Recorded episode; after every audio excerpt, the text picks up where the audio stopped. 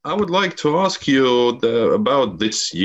Es gribētu jums vaicāt par šo gadu. Tas ir bijis ļoti neparasts, un, manuprāt, pati darba uztvere ir ievērojami mainījusies. Tagad mēs darbu no mājām uzskatām par normālu, virtuālās sapulces par normālām un tā tālāk. Taču kādām tendencēm jūs vēlētos pievērst vislielāko uzmanību? Well, thank you. I think you're absolutely right. With Labor Day is a time to kind of reflect on where the world of work has been and where it's going. Jā, jums ir taisnība, un, manuprāt, darba svētki ir īstais laiks, lai atskatītos uz to, kā darbs ir attīstījies un uz kurieni tas dodas. Šī globālā pandēmija ir ietekmējusi darbu vairāk nekā jebkas cits, ko es esmu piedzīvojis vairāk nekā 30 gadu ilgās karjeras laikā. Tā ir ietekmējusi ļoti lielu skaitu cilvēku, taču ne visus vienā un tajā pašā veidā. Daudziem no mums šī virtuālā strādāšana ir ļāvusi vispār strādāt. Jā, tā rada daudz jaunu izaicinājumu, bet arī jaunas iespējas. Taču daudziem sektoriem šī nebija izeja no situācijas. Daudzi cilvēki ir zaudējuši darbu un nonākuši neapskaužamā situācijā, un īpaši šeit jāizceļ jaunieši un sievietes. Atliek vien paskatīties uz pamata pakalpojumu sfēru un pārtikas piegāžu ķēdēm, lai saprastu, cik neparastā situācijā viņi ir nonākuši. Daudziem no cilvēkiem šī ir bijusi iespēja palikt mājās, taču ir jāatzīst, ka situācija ir ļoti atšķirīga dažādās pasaules daļās. Attīstītajās valstīs cilvēkiem ir pieejama infrastruktūra attālinātam darbam, taču citās pasaules vietās cilvēki vienkārši ir zaudējuši izdzīvošanas līdzekļus, tiek meklētas jebkādas izdzīvošanas iespējas, jo vienkārši trūkst sociālās drošības tīkla. Mēs arī redzam, ka globālie bezdarba rādītāji ir kāpuši. Tas viss ir ļoti nepierasti, taču mēs redzam arī gaismu tuneļa galā medicīnas un zinātnes dēļ. Mēs redzam, ka arvien vairāk cilvēku vakcinējas, slimnīcā nonākušo cilvēku skaits samazinās, nāves gadījumu skaits samazinās un cilvēki gatavojas atgriezties jaunajā normalitātē. Taču vai viss būs tāpat kā agrāk? Es nezinu, visticamāk, daudz kas būs dramatiski mainījies. You mentioned already some spheres or some um, Jūs jau minējāt vairākas, visvairāk skartās grupas, bet tomēr, kuri tad ir bijuši tie visievainojamākie cilvēki un kur? Right. I think everybody has been affected. We have to acknowledge that, but in different ways. Mums ir jāsaprot viens. Iespējas ir bijis uz pilnīgi visiem, tikai atšķirīgā veidā. Daudziem profesionāļiem, vai tie būtu ekonomisti, juristi vai grāmatveži, ir nācies pievērsties jaunām darba formām. Daudzi no mums visu dienu pavada Zoom sanāksmēs, mēģinot atrast jaunus darba veidus. Tas ir bijis izaicinoši, jo daudziem ir bijusi nepieciešamība sabalansēt darbu ar ģimenes dzīvi. Mēs zinām, ka šāda tipa darbs disproporcionāli ir ietekmējis tieši sievietes, jo arī mūsu pētījumi apstiprina, ka sievietes daudz vairāk ir iesaistītas ģimenes aktivitātēs. Tieši sievietēm bija pastiprināti jāiesaistās bērnu izglītībā, aprūpē un tā tālāk. Šī ir viena grupa un situācija ir līdzīga visā pasaulē. Bet, kā jau es minēju, piemēram, attīstības valstīs šādas infrastruktūras nav. Viņiem nav uzticamu interneta vai pat elektrības pieslēgumu, uz kuru vienmēr varētu paļauties. Tāpēc tas ir bijis unikāls izaicinājums. Manuprāt, mums ir īpaši jāskatās arī uz cilvēkiem pārtikas piegādes ķēdēs un medicīnas jomā. Paskatīsimies kaut vai uz pārtikas nozari. Cilvēki, kuri, piemēram, apstrādā vistas un ražo produktus, kas ir nepieciešami mūsu izdzīvošanai, viņi tika ietekmēti neproporcionāli, jo viņi ir uzskatāmi par kritiski svarīgajiem darbiniekiem. Vienkārši veikalu darbinieki, viņi reāli pakļāva sevi riskam, taču es nedomāju, ka mēs varētu normāli izdzīvot bez šiem cilvēkiem. Iedomājieties kaut vai par ārstiem, mediķiem, citiem medicīnas darbiniekiem, kuri arī pakļāva sevi neiedomājamam riskam. Arī viņiem bija jāmeklē veidi, kā strādāt pēc iespējas drošāk. Startautiskā darba organizācija sadarbojās ar Pasaules veselības organizāciju un citām organizācijām, lai meklētu veidus, kā garantēt darbinieku drošību. Kad iestājās karantīnas, mēs redzējām pakalpojumu sfērā un turisma industrijā strādājošie strauji zaudēja savus iztikas līdzekļus, jo viss līdzinājais biznesa modelis tik dramatiski mainījās. Gan uzņēmēji, gan valdības iesaistījās, lai nodrošinātu kaut kādus iztikas līdzekļus, un cilvēki varētu turpināt daudz maz normālu dzīvi, taču situācija ir bijusi ļoti sarežģīta. Un cilvēki jau sāk skatīties uz to, kā atgriezties pie iepriekšējiem apstākļiem. Ir novērojamas atkopšanās pazīmes daudzās OECD valstīs. Ir norādes uz valstu atvēršanos, taču tas nenotiks vienā tempā. Atgriešanās pie jaunās normalitātes ir milzīgs izaicinājums, jo patērētāju uzvedība ir absolūti mainījusies. Es noteikti varu vaicāt jūsu klausītājiem, kad bija pēdējā reize, kad viņi pēdējo reizi reāli devās uz veikalu, lai iegādātos dīvānu, leduskapi vai veļas mašīnu. Es domāju, ka nedaudzi. Viss tas tagad notiek internetā, un tam visam noteikti būs ietekme uz to, kā kopumā darbojas mūsu ekonomika. How our economies operate. Yeah, this, uh... Ir bijis arī daudz diskusiju par šī attālinātā darba nozīmīgumu. Daži saka, ka produktivitāte ir pieaugusi, citi apgalvo, ka tā ir kritusies un patiesībā strādāts tiek pat vairāk. Atsevišķos gadījumos darba devējs neusticas saviem darbiniekiem, nu, ja viņi fiziski nav darbā, Ir dzirdēts pat par darbinieku šantažēšanu un izsakošanu. Vai jūs, prāt, mēs spēsim atgriezties pie iepriekšējās normalitātes, vai arī visām iesaistītajām pusēm tomēr nāksies pielāgoties? Well, look, I think the, the answer is still out. Look, I work with a group that looks at labor productivity. Manuprāt, atbilde joprojām nav atrasta. Es strādāju grupā, kas pēta darba produktivitāti. Un jāsaka, ka ir ļoti daudz faktoru, kas pašlaik ietekmē produktivitāti. Pagaidām ir grūti statistiski izmērīt, vai cilvēki ir bijuši produktīvāki vai mazāk produktīvi, taču dati rāda, ka cilvēki strādā ilgāk un ļoti ilgas stundas. Tāpēc patiesi svarīgais jautājums ir, kādu mācību mēs no tā visa varam iegūt un ko varam ieviest dzīvē. Noteikti ir vietas un uzņēmumi, kur darba devēju uzticība darba ņēmējiem ir bijis pozitīvais piemērs, taču ir arī negatīvā pieredze. Es vienmēr saku, ka mūsu mērķis nav atgriezties tur, kur mēs bijām pirms šīs krīzes.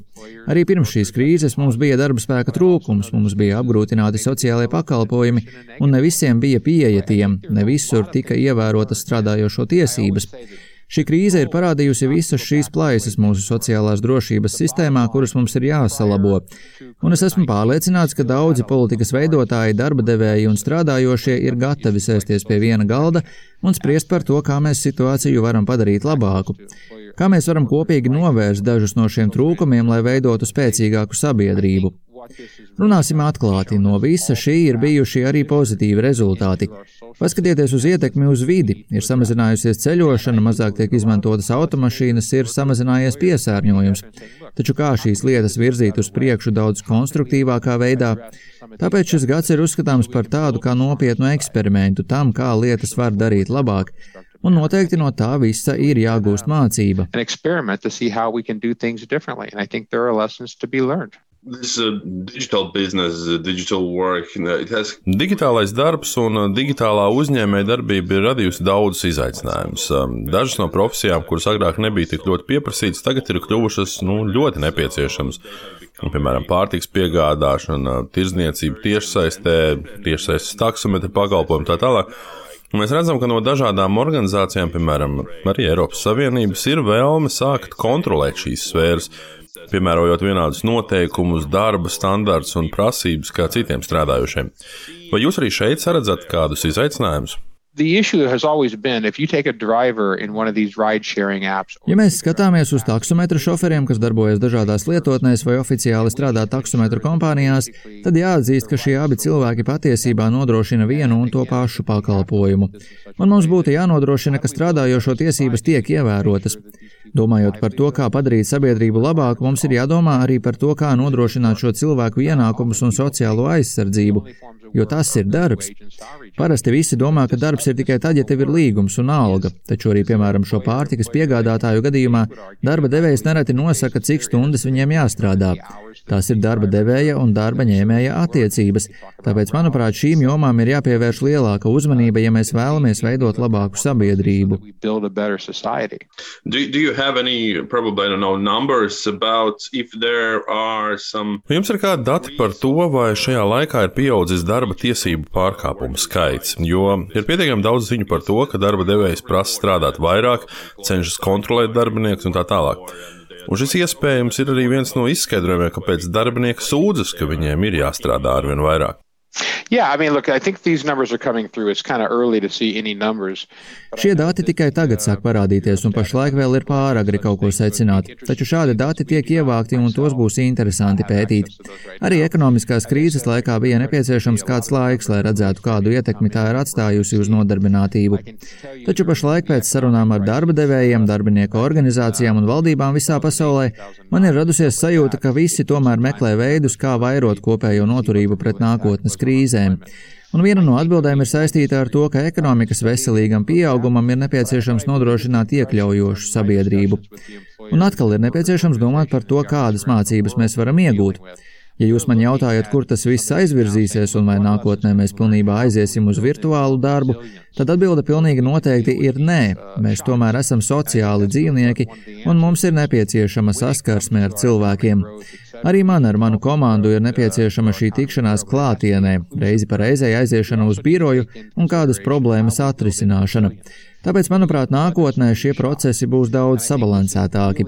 Piemēram, cilvēki būs iemācījušies veiksmīgāk sabalansēt ģimeni un darbu, un arī no darba devēja puses pret to ir vērojama diezgan liela atvērtība.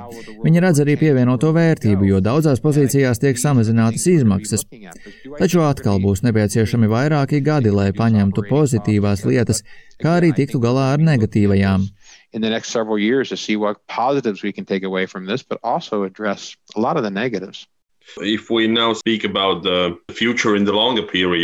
Now... Ja mēs runājam ilgākā termiņā, daudz tiek uzsvērta zaļā izaugsme, zaļā ekonomika. Daudz eksperti brīdina, ka tas var nozīmēt veselu industriju un sfēru sabrukumu vai pilnīgu pazušanu, kā arī pilnīgi jaunu rašanos.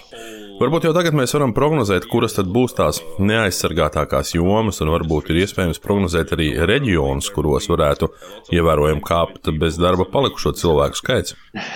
No, you're absolutely right. I mean, the economies are changing, but we are looking at uh, the issue of Jums ir pilnīgi taisnība. Ekonomikas mainās, un mēs jau tagad pievēršam uzmanību tam, kā klimata pārmaiņas ietekmēs gan sabiedrības, gan darba vidi.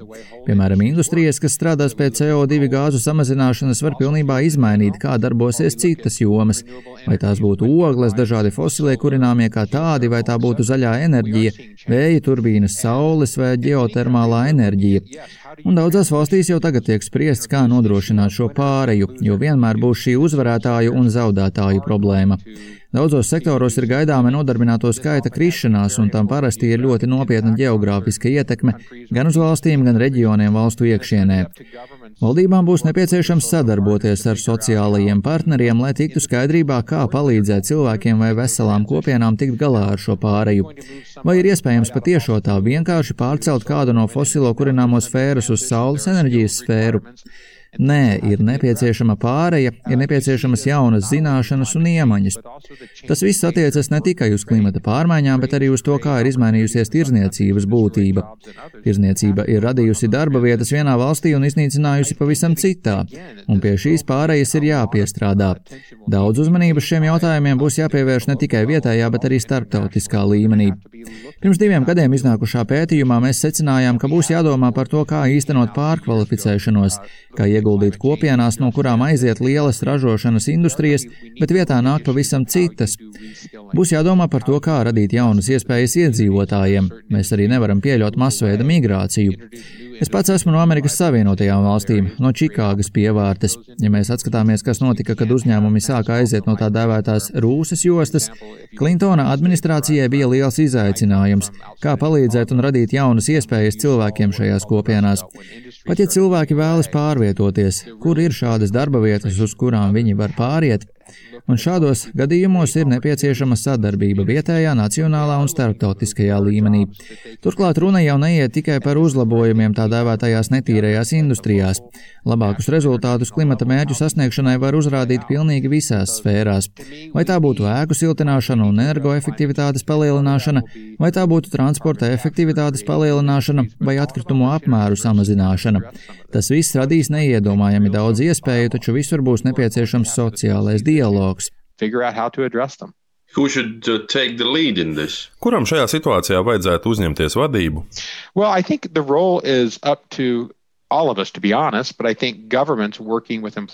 Godīgi sakot, sava loma ir jāuzņemas ik katram no mums. Valdības kopā ar darba devējiem un arotbiedrībām daudzus jautājumus jau risina, taču tam ir jānotiek visos līmeņos. Jā, bieži vien lokālajā kopienu līmenī ir iespējams identificēt problēmas, taču ir vērts apspriesties ar citiem, lai uzzinātu labākos rīcības piemērus. Es nāku no nelielas universitātes pilsētiņas Ilinoisas štatā, kur pēc rūsas jostas aiziešanas un nafta līguma stāšanās spēkā vietējiem līderiem bija ļoti aktīvi jāstrādā, lai piesaistītu reģionam jaunus uzņēmumus un jaunus cilvēkus. Bija jāiesaistās arī federālajai valdībai spriežot par to, kā izveidot dažādus atbalsta mehānismus izglītības pārmaiņām. Tie ir kopīgi centieni un nevienmēr visu spēja atrisināt valdība.